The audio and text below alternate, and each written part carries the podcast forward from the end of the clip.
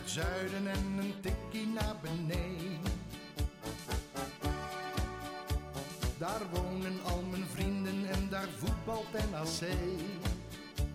Laat nu de klok maar luiden, er is toch niks aan te doen. De B-side staat in vlammen en NAC wordt kampioen. Hallo beste luisteraars, welkom eh, bij de vierde uh, BZR podcast weer een tikje naar het zuiden. Ik zit hier vandaag met uh, uh, beter bekend als Da Poop, en uh, Praatpapegaai op de site, beter bekend voor ons als Sven. Goedenavond. En Goedenavond. later vanavond zet ook nog Arjun en Arjan aan. Hun geven wat meer uitleg over ons NAC, een nieuw initiatief dat zij recentelijk hebben opgestart. We beginnen natuurlijk met het meest actuele nieuws en dat is toch wel de aanstelling van vandaag. we spreken we elkaar vandaag op dinsdag, dat is Petri Ballen voor anderhalf jaar. Blij mee? Ja, dat, uh, ik ben er zeker blij mee. Het is een, uh, voorheen natuurlijk ook al gezegd, wat mij betreft, uh, de ideale trainer voor NAC op dit moment. En als je dan vandaag zijn verhaal hoort, dan zegt hij eigenlijk alleen maar zinnige dingen. Het meest opvallende vond ik vandaag, dat hij in een interview zei van, het was de afgelopen periode toch veel te veel zaalvoetbal, te veel tiki-taka. je kunt wel 70% balbezit hebben, maar uiteindelijk draait het om doelpunt. En ik denk dat hij daarmee, denk ik, het probleem van de eerste seizoenshelft in een paar zinnen uitlegt. Ja, en, en, en wat ik gewoon heel erg belangrijk vind bij die Petri Balla is, uh, ik vind het een, een type Stijn Vreven qua passie, zeg maar. Uh, maar dan met wat ja, meer kunde, denk ik. Dus ik denk dat je op alle fronten een Noah-trainer hebt, maar ook iemand die echt iets gaat toevoegen. Misschien wel het opvallendste, want die ballen zat natuurlijk nog wel even aan te komen. Dat Willem Wijs, die is, uh, wat die tegenstand wat hij zelf zei, geen assistent meer, maar hij wordt nu trainer van tweede. Wat vinden jullie daarvan? Ja, ik, ik, weet echt niet precies wat ik daarvan moet vinden. Want je kunt daar uh, uh, van alles op zeggen. Uh, op zich vind ik het. hij was natuurlijk jeugdtrainer. voordat hij interim trainer werd. Hij gaat nu gewoon het hoogste. voor Jong gaat hij trainen. Ja, op zich valt daar van alles voor te zeggen. Maar het feit dat hij zelf aankondigde assistent te blijven. en dat niet wordt. Ja, dat vind ik opvallend. Ik kan dat niet zo goed plaatsen, moet ik eerlijk zeggen. En dan is dan niet toevallig dat Jongnak ook net wint sinds een hele tijd hele slechte resultaten. Of uh, wat Willem Wijs is nou hoofdtrainer daar? Nee, want ik denk als je gaat kijken dan uh, Molloek blijft wel aan bij het eerste. Die vind ik toch een, op dit moment een, een, trainer met veel minder ervaring, veel minder statuur is dan Willem Wijs. Uh, je kunt zeggen uh, dat uh, eventueel, hè, wat je wel eens vaker hoort, een hoofdtrainer is, heeft natuurlijk een heel andere rol dan een assistenttrainer, waar spelers toch meer een vertrouwenspersoon vinden. Misschien is dat de reden dat hij teruggaat, maar zoals het, ik kan het lastig plaatsen.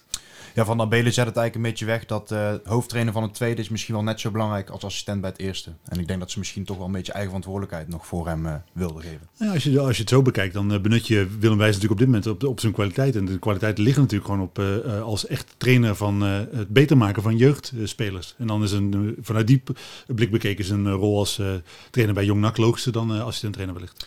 Dan gaf Van der Abelen bij Reds nog een ja, leuke woordspeling aan. Die zei dat Iballa dan de aanvallende versterking was. Haaien de uh, uh, middenvelder en uh, de verdediger was uit eigen jeugd overkomen. Maar toch, als je echt objectief kijkt, is Haaien de enige echte versterking. Valt het jullie tegen? Ja, ik kreeg enorm jeuk van die uitspraak. Ik denk, ik weet niet hoe jij daarnaar kijkt Sven, maar ik denk, oké okay, vriend, jij belooft mij drie versterkingen. En ik krijg één middenvelder. Dat is niet precies zoals wij het afgesproken hadden. Ja, hij probeert het nog een beetje leuk te verpakken, maar inderdaad, eigenlijk zijn de beloftes gewoon niet nagekomen. Ik, ik, uh, ik, heb, ik heb dat laatste interview met Brood toen ook gedaan, dat hij het over die drie versterkingen had. Uh, dat ging over drie directe versterkingen voor de selectie. Uh, nou, daar was Brood nog trainer van, dus ja, dat is al geen versterking, hè, nieuwe trainer. Um, en het was met alles was het gewoon een proberen een slim antwoord te geven op mijn vraag vanmiddag. Want ik denk, bij die eerdere uitspraken zat toch geen woord Chinees? Dat was toch heel helder? Je wilde je selectie daadwerkelijk versterken. En natuurlijk, ik denk met haaien heb je je selectie echt wel versterkt. Dan kan je in ieder geval een verhaal maken waar, waar, waar, dat het een versterking is. Ik denk voor de verdediging heb je nu Van Hekken daar zo excelleert, of excelleert, in ieder geval het goed doet, heb je niet direct versterking nodig, omdat je de positie centraal dubbel bezet hebt, aan de zijkant ook dubbel bezet. Maar ja, feit blijft dat je wel een aanvaller mist, die zeker na het uitvallen van Boussaïd echt, echt broodnodig was. En wat uh, Tom van der Belen ook vanmiddag zei, zei van de belangrijkste positie, ze wilden één positie echt versterken en dat was dat centrale middenveld. En dat snap ik niet. Uh, ik snap dat wat meer. Omdat ik denk, uh, goed, we hebben, daar, we hebben het al eerder over gehad, maar wat mij betreft zit een deel van het probleem bij het feit dat je de omschakeling van verdediging naar aanval zo ongelooflijk traag verloopt. Als je een eh, jongen haalt als Haaien nu, die in een beetje de rol van Man- Manu Garcia, wellicht wel, denk toch wel een mindere variant, eh, gaat spelen, die echt dat, eh, die verbindingsspeler is, dan moet je aanvallend dreigender gaan worden. Dan moet daar, omdat er snelheid toegevoegd wordt, moet het makkelijker worden om aanvallend gevaarlijk te worden. En ik snap op zich wel dat die centrale speler in je elftal voor een NAC op dit, in deze winterstop echt, echt wel een belangrijke aanwinst was. En nou, moet ik ook eerlijk ik ben vrijdag naar Excelsior geweest, naar de wedstrijd. En ehm, ik vond Haaien erg sterk spelen. Eh, inderdaad, wat je zegt als verbindingsspeler, als hij de bal kreeg, ging links, rechts, ging iemand diep weg. Ik vond ook dat NAC in de eerste helft met Haaien in het veld heel veel dreiging had. Dus op zich, als je kijkt naar het type speler dat je hebt gehaald, en voor de functie waar je hem hebt gehaald, vond ik hem prima eerste wedstrijd spelen. We moeten natuurlijk nog zien hoe het gaat eh, verder ontwikkelen, maar voor de eerste... goed, als je dan in die laatste wedstrijd kijkt, ik weet niet Ja. hoe dat voor jullie zit, maar ik vond NAC eh, niet super overtuigend tegen Excelsior. Nee, eh, nee, ik ook niet. Maar eh, het, gaat, het gaat er meer om dat, dat, dat de dreiging naar voren was er. Er werd alleen niks afgemaakt. Nou werd er ons een, een, een doelpunt ontzegd, een penalty ontzegd. Maar hè? Ja, jij was Ander aanwezig bij die wedstrijd. Ehm, je was niet helemaal enthousiast, maar toch had je die wedstrijd eigenlijk, als je dat meent inderdaad, van de penalty en ook van de goal van Arnold, die eigenlijk gewoon onterecht werd afgekeurd, eh, had je daar gewoon moeten winnen, toch? Eh, ja, nee, ja, eh, sterker nog, eh, als je die niet eens meetelt en Dogan schiet hem nog binnen in de inderdaad. 95 minuut, dan ga je er ook gewoon met drie punten naar huis. Ik was, ik was serieus gewoon in de 80 minuut dacht ik even, wat een zeepert, wat een kutwedstrijd. Ehm, en in de 95 minuut dacht ik van, godverdomme, waarom hebben we hier niet gewonnen? Dat, dat, dat, dat ik gewoon niet kon begrijpen dat die ballen niet meer ingingen. Dus ja, het heel bijzonder dat je zo'n wedstrijd... dat, en dat vind ik klasse van hè, want ze zijn dus doorgegaan tot het einde. Eh, dat ze toch nog bijna... Ja, ze hebben mij overtuigd dat er drie punten nog in zaten. Ik denk, eh, als je achteraf het verhaal van uh, Wijs hoorde, was, was dat ook waar hij een aantal keer op eh, terugkwam. Het eh, feit dat NAC inderdaad bleef gaan tot het einde. Dat hij daar zijn eh, ploeg ook de complimenten van maakte. Dat, eh, absoluut. Daar, ik denk dat je dat eh, na moet geven. Maar ja goed, feit blijft dat je in die wedstrijd eh, die kansen die je krijgt... toch wel echt, echt op schandalige wijze om zeep helpt. In de eerste helft die eh, kopbal van eh, Verschuren, prima kopbal denk ik. Daar valt niet zoveel op aan te merken. Maar vervolgens moet Dogan hem toch gewoon tegen de touwen schieten. Is het krediet eh, van Dogan in jouw ogen een beetje op aan het raken? Ik weet het gewoon niet zo goed wat ik van hem moet vinden. Ik weet niet zo goed of dit nou, of hij gewoon echt niet beter kan. Of hij niet fit is, waardoor hij niet de scherpte heeft die hij vorig jaar wel heeft. Of dat hij verkeerd gebruikt wordt. Ik, ik weet het gewoon echt niet. Ik, ja, feit blijft wel dat wat ik zeg, hè, voor een spits van NAC moet je, eh, moet je na, na, na, na een seizoenshelft op meer dan vijf goals staan. Dat is gewoon echt veel te weinig. En die kans ook die, die in de 95 minuut miste, dat mag echt niet. Die moet hij echt maken. Ja, de- de- de- daar verbazen. Daarom wa- was ik ook teleurgesteld, want ik heb eh, zelden een speler zo'n kans zien missen. Ik heb heel veel NAC-spelers zulke Ja, oké. missen. ik, ik kijk heel veel voetbal ook van andere clubs en daar zie ik ze niet missen, maar bij NAC inderdaad wel, dat klopt. Ja, Dogan had dus niet echt eh, zijn avond kunnen we wel zeggen. Van Hekken, die werd uitgeroepen tot de man of the match bij ons op de site. Vond je dat terecht? Of? Ik eh, denk dat natuurlijk, als je alleen al naar zijn goal kijkt, die hij op pure wilskracht maakt, dan is dat al reden om hem eh, eh, een hoge klassering te geven in de man of the match eh, verkiezing. Maar eh, als je de, de samenvatting nog eens rustig terugkijkt, dan zie je ook dat eh, er een aantal kansen van Excelsior er echt wel ontstaan op het moment dat hij de mist in gaat. Als hij die indribbelt op middenveld en de bal verspeelt. Volgens mij ontstaat daar zelfs de penalty uit. Ja, klopt inderdaad. En eh, dat zijn dingen waarvan ik, ja goed, eh, bij, bij iedere andere verdediger zou ik daar denk ik heel boos om worden. Maar het is een jongen van 19 met, met nog geen handvol wedstrijden op het hoogste niveau in zijn benen.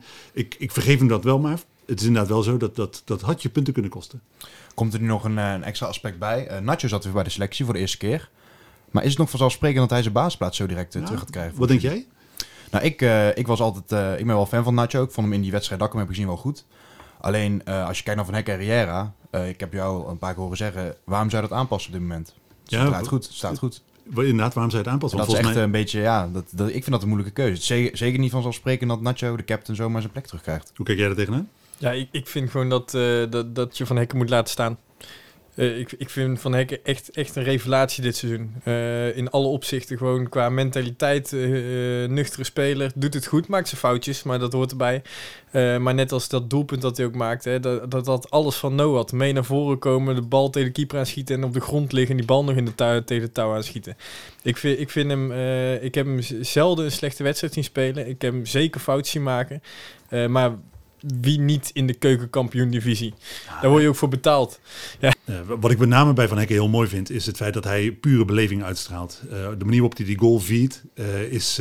ja goed jongen, ik, dat is wat ik graag zie, wat ik bij een NAC-speler graag zie. En ik denk dat Riera hem een heel groot compliment gaf het is niet voor niets dat, dat zij zo goed, uh, zo goed duo vormen. Ze herkennen in elkaar die echte oprechte wilskracht, die echte oprechte uh, echte behoefte om, om zo'n uh, aanval uit te schakelen. En ik denk dat het inderdaad, Nacho, ik heb het opgezocht, heeft ook nog maar vijf wedstrijden gespeeld dit seizoen. Dat is echt heel weinig. Um, ik denk dat als hij zijn plek in het elftal terugkrijgt, dat het niet noodzakelijkerwijs op in het centrum is, maar misschien wel als respect bijvoorbeeld. Maar Schouten doet het ook prima, toch? Op dit moment. Ja, en dat waar, wordt dus voor, de, voor Hiballa een moeilijke keuze. Want ik denk dat uh, Schouten aanvallend meer brengt dan Nacho kan doen. Een stuk sneller speler, denk ik. Een dynamischere speler.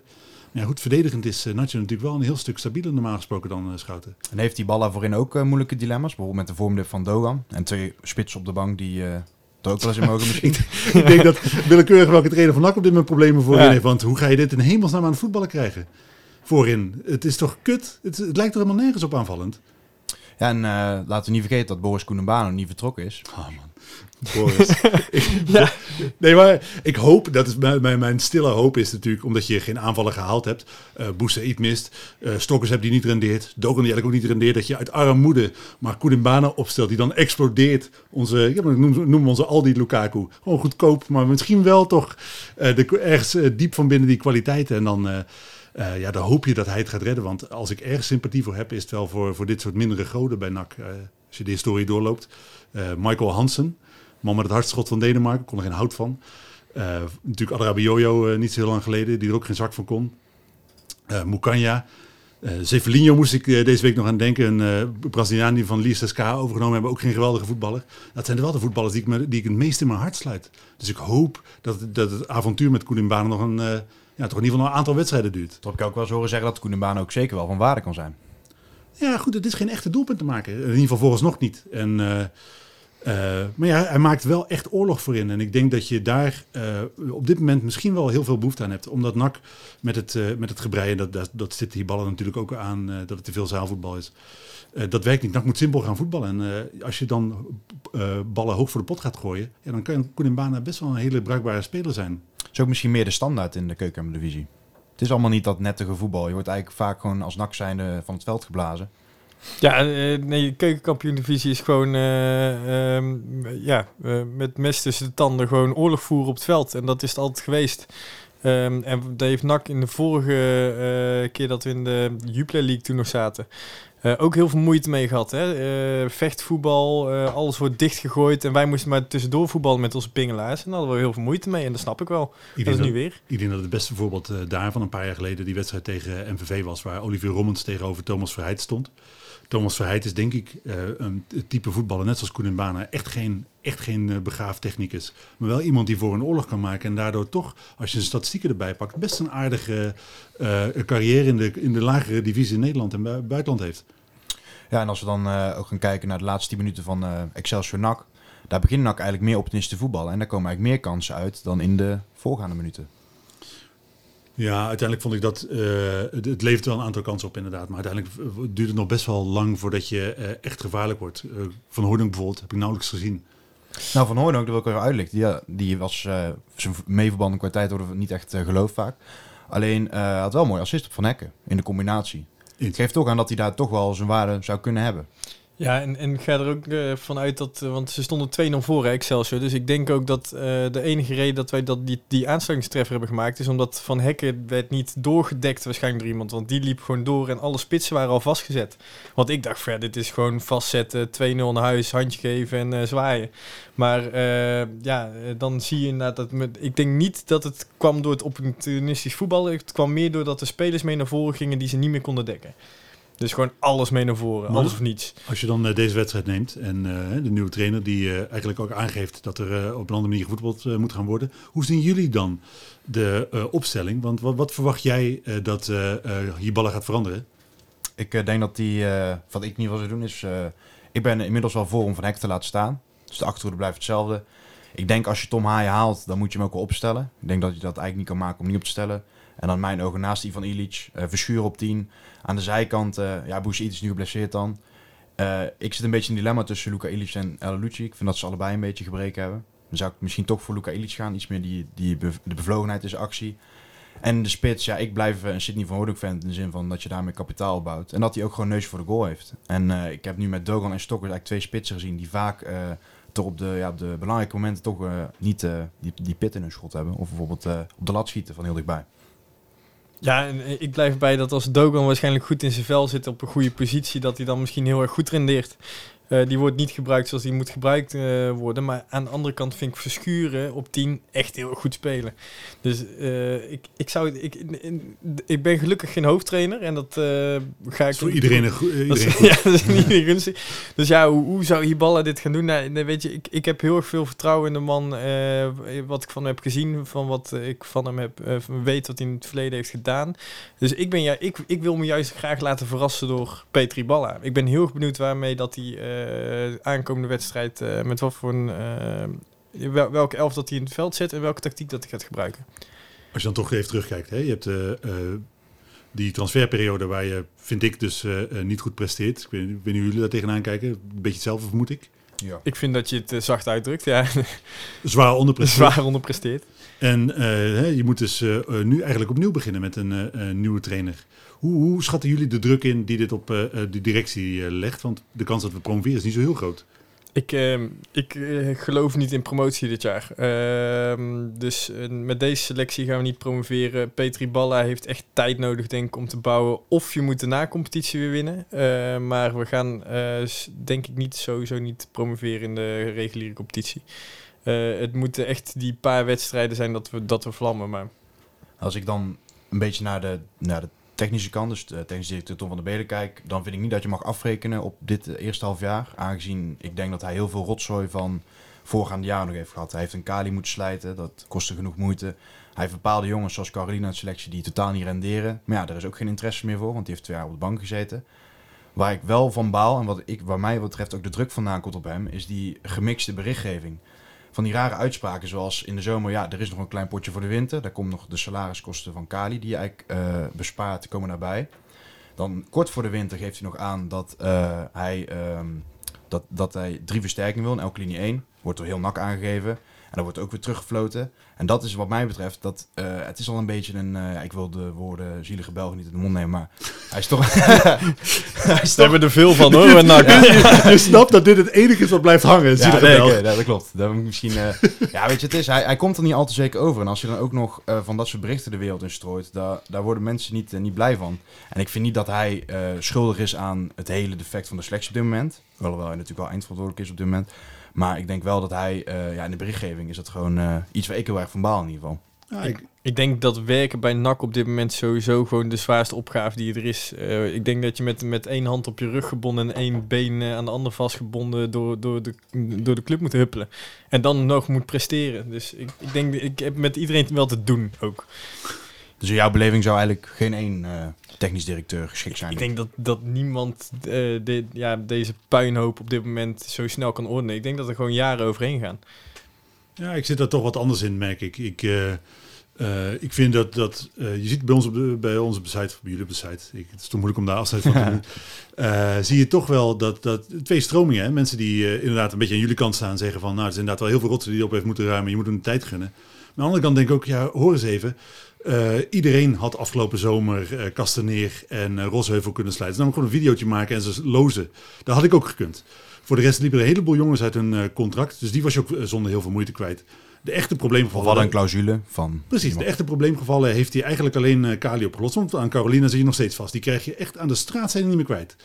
En eh, de spelers die, die hij gehaald heeft, het zijn wel echt allemaal zijn aankopen. Want er was op dat moment eh, nog geen eh, hoofdscout. Hij was de man met het zogenaamd geweldige netwerk, die daar zelfs zijn brood mee verdiende.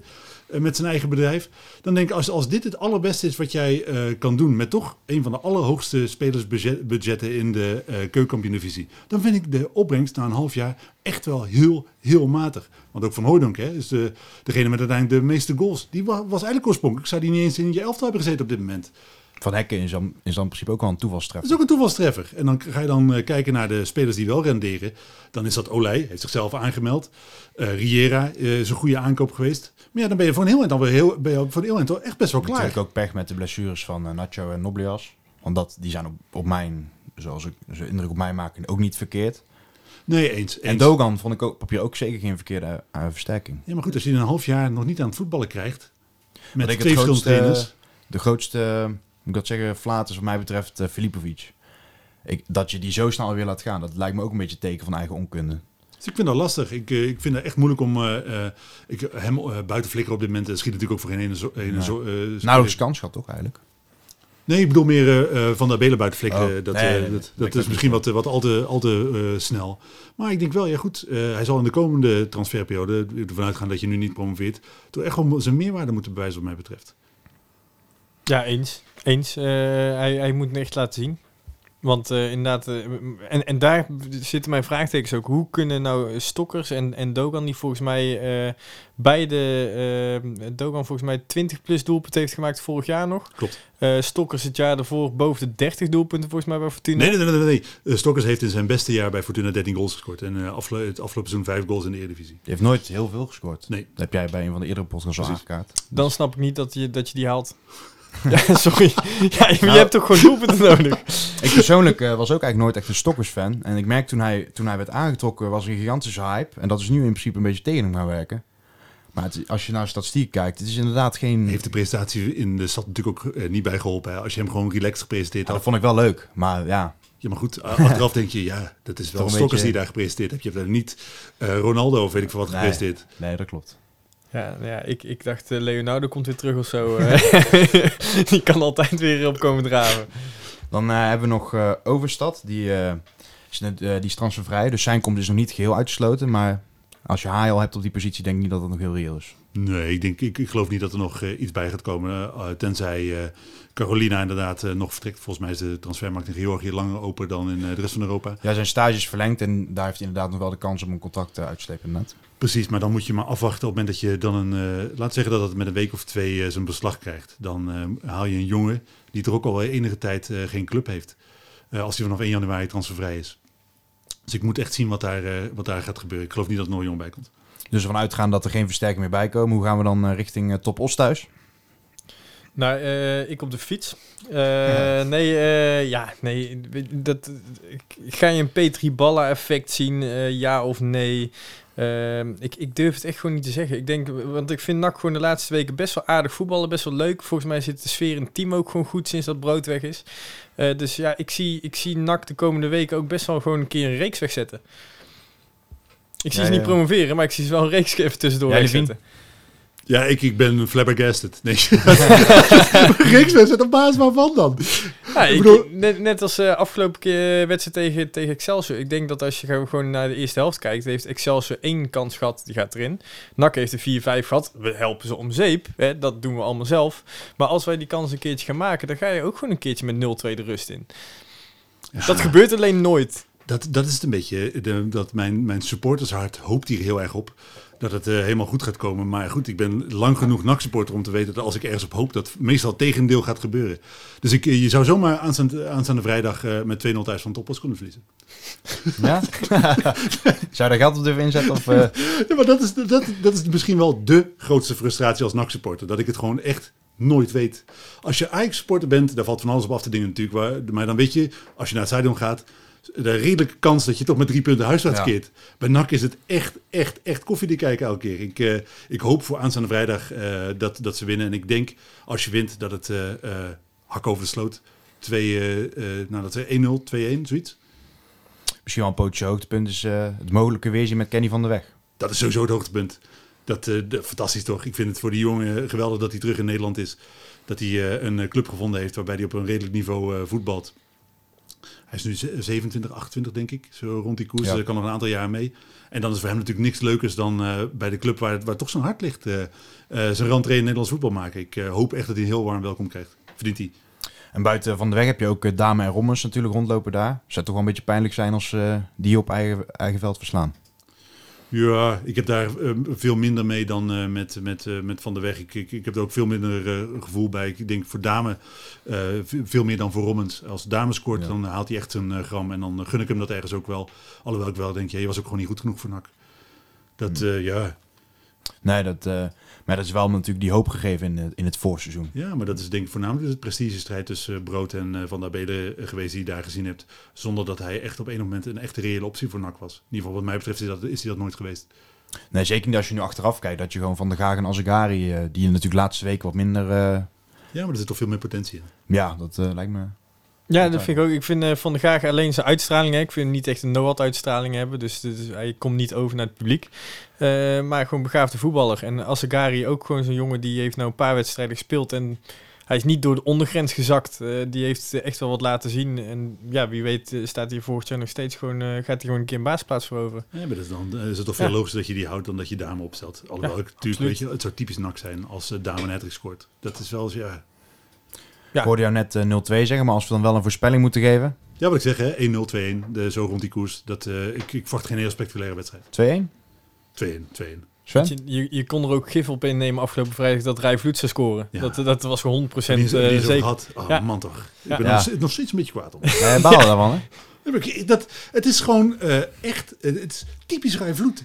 Want eh, eh, ik heb met Jannik heb ik het erover gehad en die zei, ja, maar hij werd ook wel heel onaardig toegezongen. Kan je niet maken, moet je niet doen. Je moet eh, eh, gewoon respectvol zijn, ook naar spelers wie je een hekel hebt. Maar je weet dat zelfs als ze gezegd hadden, gezongen Rij Vloed is een wereldgozer, had hij nog steeds met zijn eh, vingers in zijn oren gestaan om zijn gram te halen. Terwijl ik denk, je hebt gewoon een hele, heel matig jaar bij NAC gehad, waar je geen seconde hebt laten zien dat die, dat talent wat iedereen je toedicht, dat je dat daadwerkelijk waard bent. Je hebt er gewoon een seizoen lang de kantjes van afgelopen. Ja, ik, ik, heb ook mo- moeten gniffelen toen ik twee weken terug las dat Rijvloed het graag nog een keer bij PSV zou willen proberen om te laten zien wat hij echt kan. Toen dacht ik, wel, nou, Ja, met hoe PSV er nu voor staat. ja, op zich, nu, nu zou die een toegevoegde waarde zijn. Nee, maar, maar die, die gast die is toch, eh, dat is een typisch geval van eh, veel meer talent en eh, dan eigenlijk de wil om echt te slagen. het, is gewoon, het, is Hij doet gewoon, gewoon niks- het is gewoon echt een luie flikker waarschijnlijk. ja. Of ja, hij heeft gewoon de, de uitstraling van een nat washandje. En, eh, ja, sorry. Ja, Ruivloed, dat was het. Oké, ik, ik, ik kan er niet veel meer van maken. focus. Maar- Jouw voorspelling. Ja, Ja. to- toppels. Nee, ja, ik, denk, ik denk heel eerlijk dat eh Petri Balla gewoon ook gewoon de, de mental coach in hem. eh, het wordt gewoon een 2-0 makkelijk avondje een keer. Ja, gaat hem worden. Ik zeg eh, 3-0. Boe. Oh, makkie. Nee, moet er eh, heel mak voor winnen. Ja, ik, ik, denk- echt dat het eh, vrijdag een hele makkelijke avond gaat worden. Want eh, ik kan vrijdag eh, weer eens een keer niet. Eh, en alle keren dat ik niet ben geweest, hebben wij echt gewoon echt volledig makkelijk gewonnen. En elke keer dat ik wel ben geweest, zijn Oh, hele moeilijke avonden geweest. Waarom heb jij een seizoenkaart? Omdat ik hier gaat uitlenen aan jou voor aankomende vrijdag. Dan eh, was dat de afsluiting van het centraal programma. We hebben nog een, eh, met Biesadres, namens Biesadres, een leuke aankondiging. We gaan namelijk een eh, voetbaltoernooi organiseren. Dat doen we 30 mei bij JK. En dat wordt een voetbaltoernooi eh, van ongeveer 300 tot 400 eh, supporters. Dit voetbaltoernooi is inclusief een barbecue en een feestavond. En er komen verschillende artiesten. Eh, binnenkort komen daar meer, komt daar meer informatie over op de site. Eh, het is mogelijk gemaakt op de eerste plaats door drie sponsors. eh Doc19, RB Media en eh Trust Verhuizingen. Er komen vast zeker nog meer sponsors bij. En ook voor de dames is het toernooi een apart uh, damestoernooi. Is jullie aanwezig, heren? Nou Ja, maar ik denk dat ik er goed aan doe om niet mee te gaan voetballen. Want ik ben een waardeloze voetballer. Ik eh, heb in hetzelfde voetbaltoernooi als eh Levine ooit meegedaan. Ik, ik heb- kan ook beter niet voetballen. Nou, dan was dat het. eh zometeen gaat Levine nog verder met eh Arjen en Arjan. Eh Sven, in ieder geval bedankt voor je komst. Graag gedaan. En eh, de kijkers nog veel luisterplezier. Inmiddels eh, zijn eh, Arjan en eh, Arjun van eh ons NAC aangeschoven. Jullie gaan ons vanavond eh, wat meer vertellen over jullie plannen.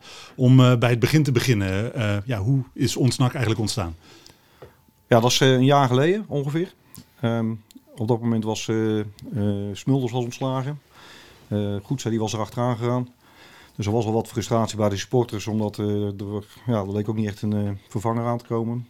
Ehm, en op een gegeven moment werd er ook eh, gezegd dat eh, Tim Gillis eh, weg zou gaan. Die had zelf besloten naar Heracles te gaan. En bij NAC zagen ze niet direct als de opvolger van de vertrokken Smulders. En ik denk dat toen bij heel veel supporters een onderbuikgevoel naar boven kwam. Ehm, want eigenlijk min of meer tegelijkertijd met, met de oproep die op uh, verscheen begon, Hart voor NAC, met, met hun idee.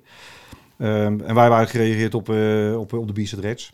En eh, daar is een, een groep uit ontstaan van, eh, van elf mensen, allemaal eh, erg betrokken bij NAC. supporters en sponsoren, mensen die weten waar ze, waar ze over praten als je het ja, over on- onze ideeën hebt, zeg maar.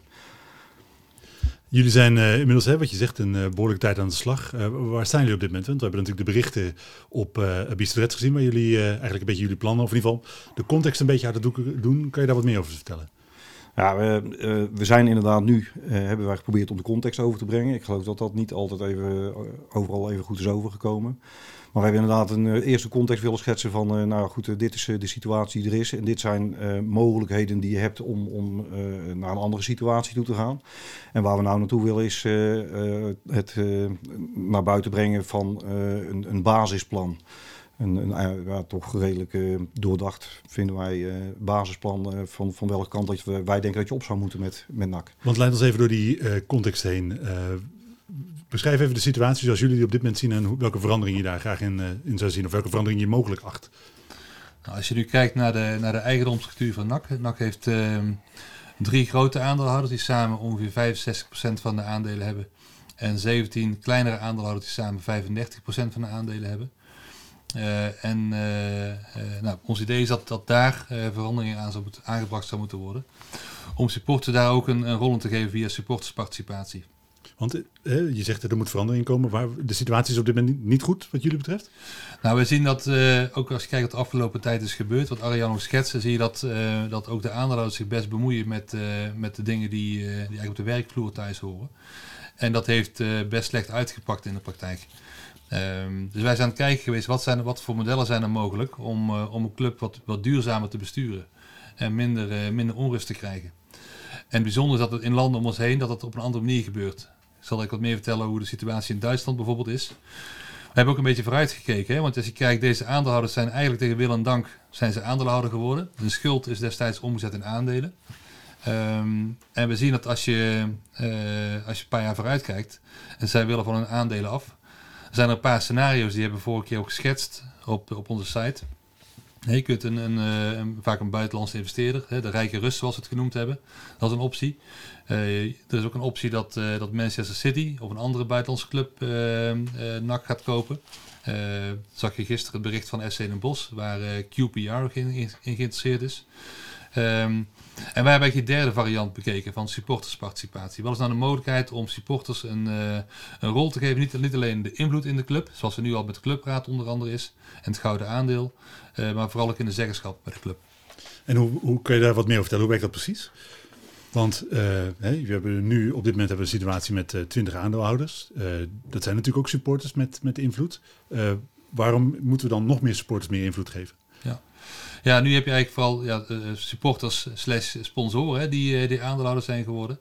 En ehm, nou, wij denken dat het goed is als, eh, als je supporters ehm, eh, meer invloed in het beleid geeft. Dat heeft in, in landen om ons heen werkt dat goed. Als je bijvoorbeeld in Duitsland kijkt, dat is een, wettelijk ook zo geregeld dat alle clubs minimaal eh 51% eigendom zijn van de vereniging. Dus daarmee ook de supporters. Hebben eh, hele mooie beelden gezien, bijvoorbeeld van Schalke 04, waar 140.000 leden eh, in de vereniging zitten. En die eh, met een hele mooie vergadering, waar dan het stadion vol zit en het bestuur op het veld zit om verantwoording af te leggen. Nou, dat is echt een vorm van, van supportersparticipatie. Wat een hele duurzame vorm is, waarbij je ook veel stabiliteit krijgt. Want supporters die hebben het beste met de club voor op lange termijn. Die zijn onafhankelijk van, van goede of slechte tijden, blijven die bij de club. En eh, kunnen de club steunen. Maar een van de voornaamste kritiekpunten is dat op het moment dat je meer supporters toevoegt, dat je meer emotie toevoegt. En dat je daarmee eigenlijk tegenovergestelde bereikt van wat je nastreeft. Maar dat is, dat is- dat is natuurlijk eh, eigenlijk wel relatief. Natuurlijk is een supporter emotioneel. En ik denk dat een supporter ook altijd emotioneel moet blijven bij, eh, bij zijn club. Eh, want anders trek je ook de ziel uit dak als je, als je die emotie eh, weghaalt. Ehm, en ik denk dat we juist met het plan wat wij hebben, dat we dat juist tegen willen gaan. Want die ziel uit de, de club getrokken wordt. Hè. Ehm, je moet natuurlijk wel eh, kijken dat er onder de supporters heel veel eh, kennis is. Heel veel, eh, we merken dat zelf in onze, in onze groep nu. Dat er echt mensen zijn die echt wel weten waar ze, waar ze over praten. Ehm, maar eh, je hebt ook een, eh, ja, eigenlijk een hele goede uitspraak was eh, van eh, een, een man die bij Bever in België eh, heel erg in de sportsparticipatie is gegaan. En grote plannen geschreven is overgenomen door de, door de overheid daar gewoon ook. En die zei op een gegeven moment van ja, Ehm, mensen roepen graag dat ehm, supporters te emotioneel eh, betrokken zijn en dat ze eigenlijk eh, geen kennis van zaken hebben als het om de financiën van de club gaat. Dus dan moet je eens kijken hoeveel ehm, eh, professionele mensen die in de club zaten, de clubs hebben laten omvallen en failliet hebben laten gaan. En daar heeft die man natuurlijk best, best gewoon een punt. Ik denk ook echt, als ik de reacties af en toe zie en de reacties die, die ik krijg van, van mensen persoonlijk op het idee dat wij hebben, dat, eh, dat de supporters en, en ook NAC-supporters eh, hun eigen kunnen en, en wat mogelijk is echt wel onderschatten. Ik denk dat er veel meer mogelijk is dan, eh, dan wat men ziet als je maar out of the box gaat denken. En als we dan teruggaan naar die drie scenario's. Hè, ik denk dat over een rijke Rus, als je naar andere voorbeelden kijkt, zoals bij Rode JC en Ouder Den Haag, dan zie je natuurlijk wat daar, wat daar mis kan gaan.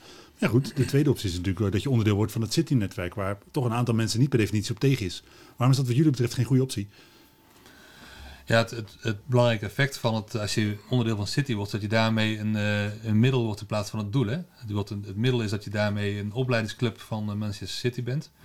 Eh, je moet spelers opleiden. Het gaat niet meer om dat je investeert in de jeugd bijvoorbeeld. Het gaat vooral om het door laten groeien van spelers die in het netwerk van City zitten. Ik ben bang dat daarmee de binding met de stad ook, ook weggaat. De lokale binding. NAC heeft een hele belangrijke functie in de regio. Dat zijn dingen waar een satellietclub niet in eerste instantie op afgerekend wordt. Die wordt vooral afgerekend op, eh, op de doorgroei van, van spelers en handelswaar. Ja, en, en, en daar wil ik even op aanvullen dat als je, als je kijkt, er is ook heel vaak eh, commentaar, en eh, zeker vorig jaar was dat heel erg, dat de mensen totaal geen binding meer voelden met de club of met de spelers die daar, die daar rondliepen. Nou, als je een dergelijk handelshuis wordt, dan, dan kun je dat eigenlijk voor een groot deel waarschijnlijk wel gaan schudden. We hebben natuurlijk een paar keer geluk gehad met een jongen als Garcia en eh, eh, Fernandes die graag wilde blijven, weet je wel. Dus die hadden blijkbaar wel iets eh, met, met de club. Maar over het algemeen zijn dat spelers die komen even omdat ze moeten.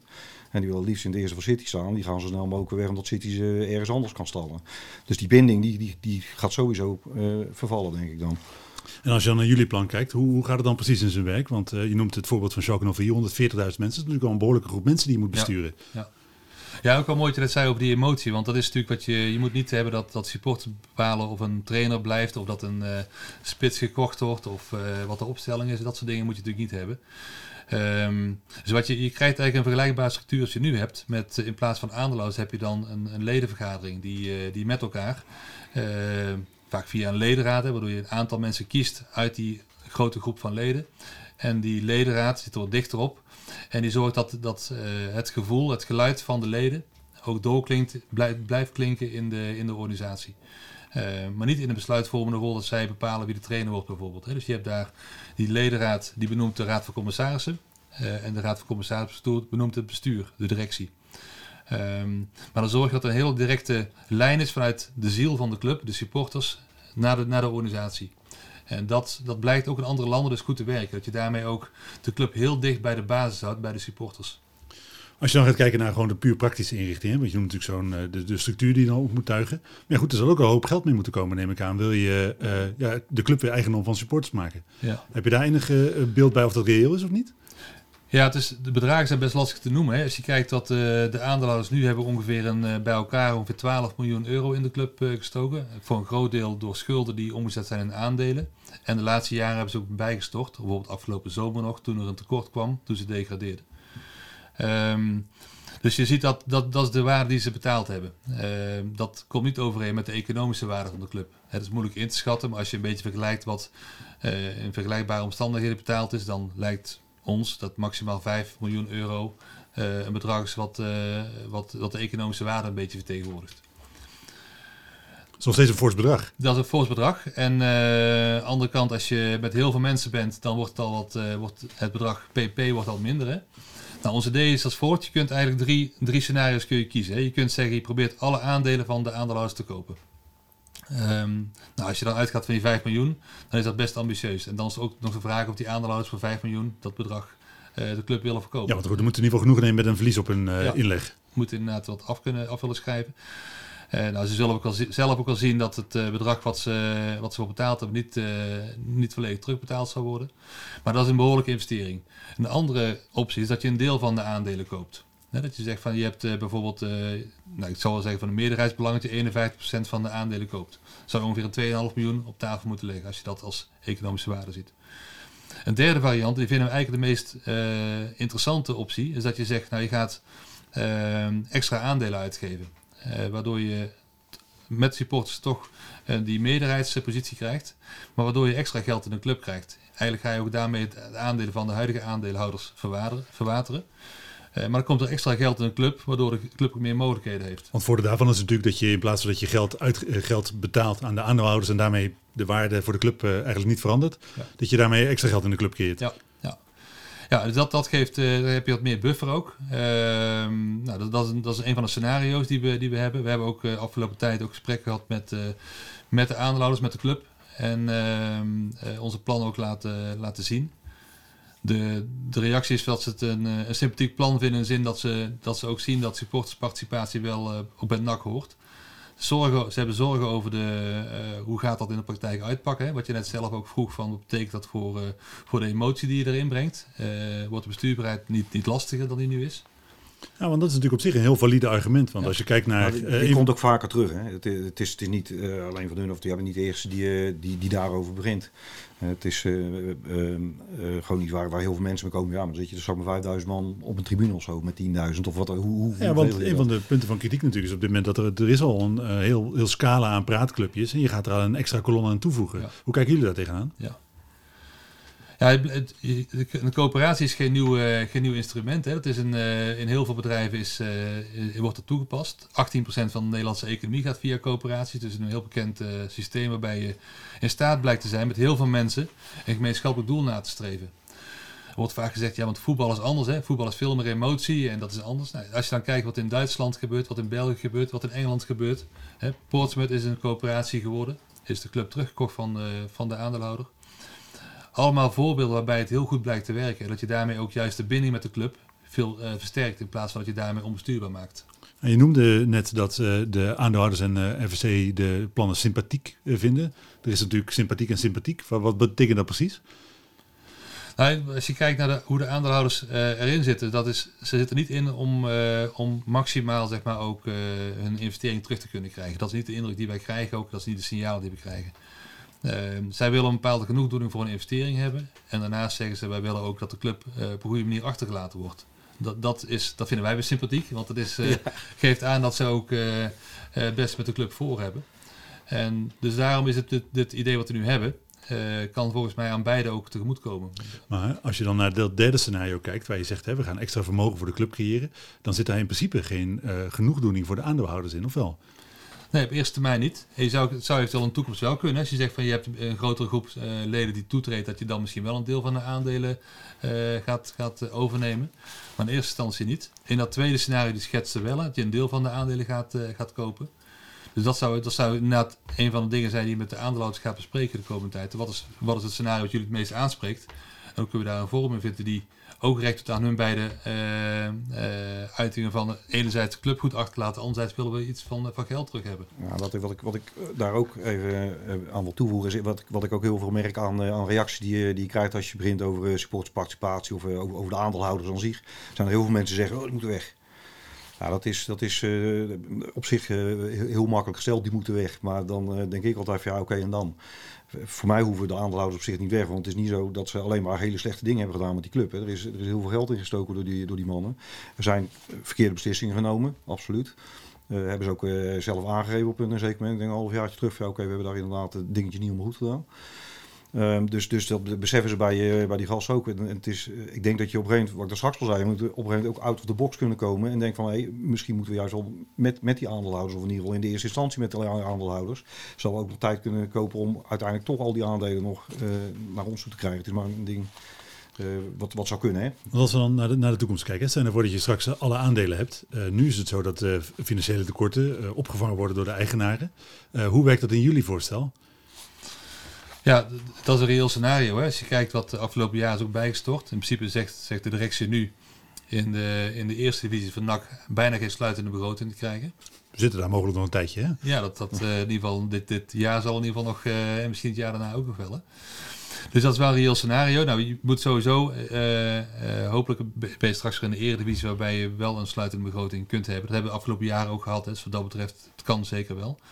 Eh, met dat voorstel wat we net deden, waarbij je een deel eh, het geld dat de supporters inleggen in de club steekt, heb je ook wat meer buffer ook om, om klappen te kunnen Waar je opvangen. extra aandelen uitgeeft. Ja, als je extra aandelen uitgeeft.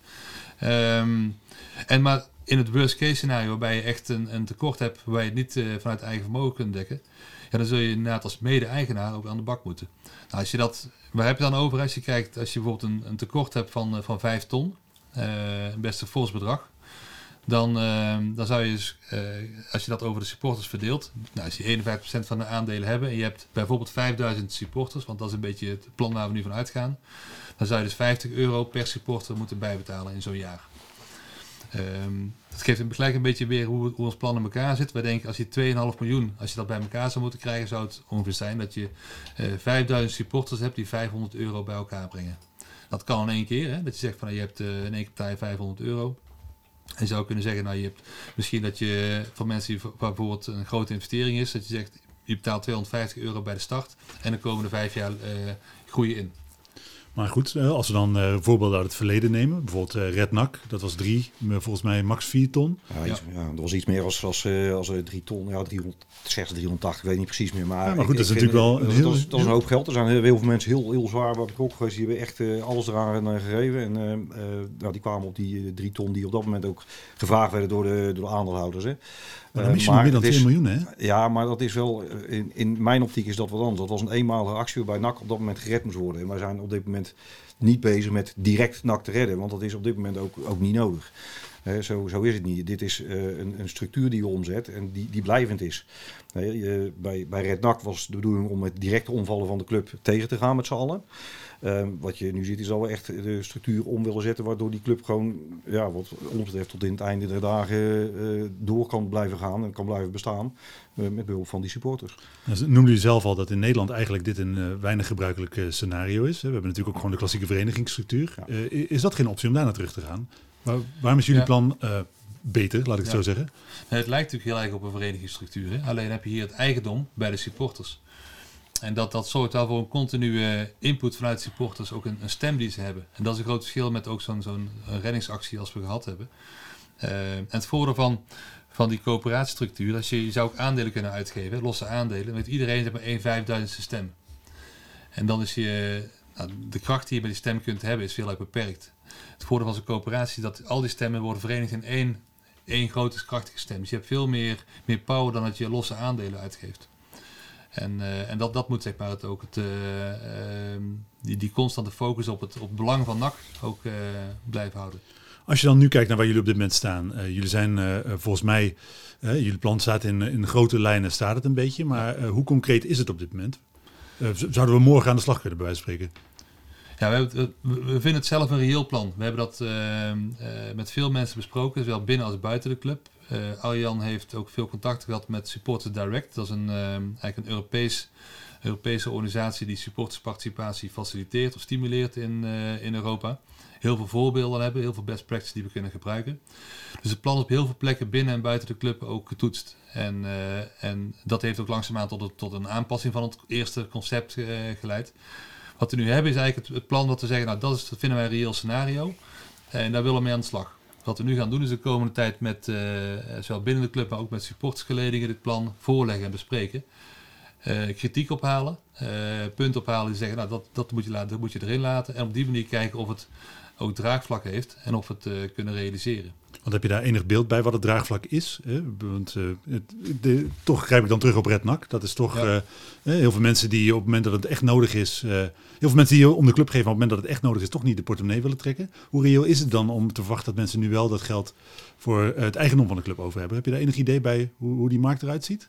Nou, dat is, de- op zich is dat natuurlijk heel, heel lastig inschatten. Maar ik, ik denk dat, eh, dat we heel duidelijk moeten maken naar de mensen toe dat deze insteek toch echt wel serieus anders is. En dat ze op een totaal andere manier eh, echt, echt invloed kunnen krijgen binnen de club. Eh, ik, ik, ik persoonlijk zie eh, dat mensen daar heel vaak om roepen. Een beetje van, nou, eh, als ik dat had, nou dan. Nou, die, die, die kans kun je krijgen. Snap je? En eh, ik denk dat dat echt, echt eh, wezenlijk anders is dan, dan Red Nak. Red was, was fantastisch en dat was heel spannend. Maar Red Nak was echt een eenmalig ding gericht op het, het, het, eh, dichten van een gat. En we gaan, we gaan, op dit moment gaan we normaal gesproken raten dichten. We, we gaan echt pro- proberen die club te gaan besturen met z'n allen. We gaan echt invloed uitoefenen op, eh, op, eh, op wat er binnen die eh, club gebeurt. Dat is het idee. Dat is echt wezenlijk anders. Ik kan me voorstellen, als ik denk aan een, aan een, een, een- harde kern in de, in de goede zin van het woord. Hè. Dus de echte mensen die, die altijd naar NAC zullen blijven gaan, dat je, dat je denk ik toch wel op die, die 5000 man moet, moet kunnen komen. Alleen de vraag is dan, moet je gelijk zeggen, nou jongens, dat kost je 500 euro. Of eh, dat is het bedrag waar we even mee rekenen. Of moeten we inderdaad zeggen, nou dan moeten we gaan, eh, gaan verspreiden. Ik denk dat dat ook een klein beetje afhankelijk is van wat, wat, wat aandeelhouders daarvan vinden. En dat, eh, dat moet ook even... Wat, wat ga je daar nog extra onderzoek naar doen? Ga je bijvoorbeeld marktonderzoek doen, wat die bereidheid is? Of Ja. Wij, wij hebben wel de komende periode willen met eh supporters geleding in gesprek gaan. Om een plan toe te lichten, om, eh, om input te krijgen en op die manier ook te kijken wat, eh, wat het draagvlak is. Zij kunnen beter inschatten wat van hun achterban ook, hoe de, hoe de gedachten daarbij zijn. Maar het is een nieuw plan en alles wat je nieuw, nieuw ontwikkelt eh, roept altijd weerstand op en, eh, en moet, je, moet je door een bepaalde fase heen. Ehm, we gaan proberen om een congres over supportersparticipatie aan Nederland te halen in, eh, in mei. Ehm, om ook te laten zien wat er in andere landen gebeurt. Om te laten zien dat het kan. Hè? Want het is vaak een, wat men kent, dat eh, zit toch een beetje, is misschien een beetje eng. En, eh, en roept sceptisch op. Nou, dit, is een, eh, een, geloven echt dat het een reëel plan is. En we hebben gezien dat andere landen dat kan. En als we hebben ook, als je landelijk aan mensen vraagt van, en, het plan bespreekt, dan zeggen ze met twee of drie clubs in Nederland waar het kan. Feyenoord zou het kunnen, bij NAC zou het kunnen en misschien bij Twente zou het kunnen. Dat zijn drie clubs waar het in Nederland kan, waar een zo'n stabiele, trouwe, loyale achterban is die ook eh goede en slechte tijden zijn. Helder. Eh, als laatste, hè, we hebben het al even aangestipt, de aandeelhouders nu, nu die er nu zitten, je noemt dat ze eh, eruit willen. Eh, op toch wel enige termijn. Hoe, hoe reëel is het dat ze met jullie in zee willen? Dat, daar, want je noemt het sympathiek. Dat, ik kan me toch voorstellen dat ook daar toch nog wel wat spanning zit. Dat sympathiek zit jou niet zo lekker, hè? Nee, ja, dat. ik vind dat nee, goed, want eh, als je kijkt naar de, naar de recente historie, het zijn aandeelhouders tegen wil en dank, maar goed, die toch ook niet heel veel eh, moeite gedaan lijken te hebben de afgelopen periode om van die aandelen af te komen. wat, Nee, wat maar maakt dat ze er nu wel vanaf Wat, willen? wat, we, wat we wel hebben gehoord van her en der, eh, eh, is, is dat er wel serieus eh, mensen zijn geweest die een bod hebben willen doen op de club. Maar waarbij de aandeelhouders die zeiden, ja dat is leuk. Maar eh, toch niet goed voor de club. Dus in, in die zin hebben ze echt wel laten zien dat ze toch echt wel om die club geven. hè. Dat ze echt wel supporter zijn. Dus eh, dat wordt vaak onderschat. Dat moeten we misschien eh, ook een beetje ophouden. Want dat hebben ze wel, hebben ze wel, dat hebben ze wel, wel gewoon gedaan. En, eh, ehm, dus in, in, in, in dat opzicht denk ik, als wij met een, een plan kunnen komen dat ehm, stabiliteit kan bieden, ja, dat, ze, dat ze daar echt wel, eh, echt, wel, echt wel open voor staan. Dat is eigenlijk ook wat ze wel hebben aangegeven in de, in de dingen die we van hun terug hebben gekregen. Eh, ze, hebben, ze hebben in eerste instantie ook opgeroepen om bijvoorbeeld eh, eh, met, met Hart van Hart te gaan praten. Wat we, wat we dus ook hebben gedaan. Omdat ze al eigenlijk beter samen met, met elkaar iets gaan doen. Zodat je echt een grote achterban krijgt. En, en, en, dus een stabiele factor kan zijn voor NAC. Dus ja, Dus het is voor de aandeelhouders is volgens mij de meest duurzame vorm van een exit scenario. En dat- Absoluut. Ze zullen toch nog een keer naar een exit scenario toe moeten. En dat geeft dit heel veel comfort voor hun ook, denk ik. Als mensen die dit nou eh, eh, horen, eh, vragen hebben, of misschien wel denk ik wil, wil meehelpen, wa- waar moeten ze zich dan melden? Nou, je kunt sowieso eh, naar de website gaan, hè, www.onsnak.nl. En daar is een ouderwets contactformulier, eh, staat erop. Dus dat, eh, dat kun je gebruiken. Je kunt ook eh, mailen, eh info.onsnak.nl. Dus eh, waarschijnlijk wel goed onthouden. Eh, ik denk dat op termijn zullen eh, onze koppen, voor zover nog niet bekend, zullen wel wat bekender worden. En je kunt ze altijd aanschieten bij, het- bij het stadion of, eh, of op een andere manier benaderen. En dan eh, zijn we altijd eh, graag bereid om daar eens even over te praten of, of even uitleg over te geven. Top.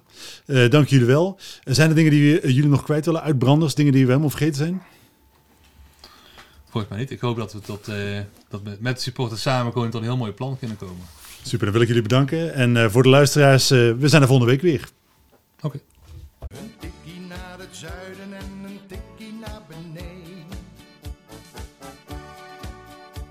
Daar wonen al mijn vrienden en daar voetbalt NAC. Laat nu de klok maar luiden, er is toch niks aan te doen. De B-side staat in vlammen en NAC wordt kampioen.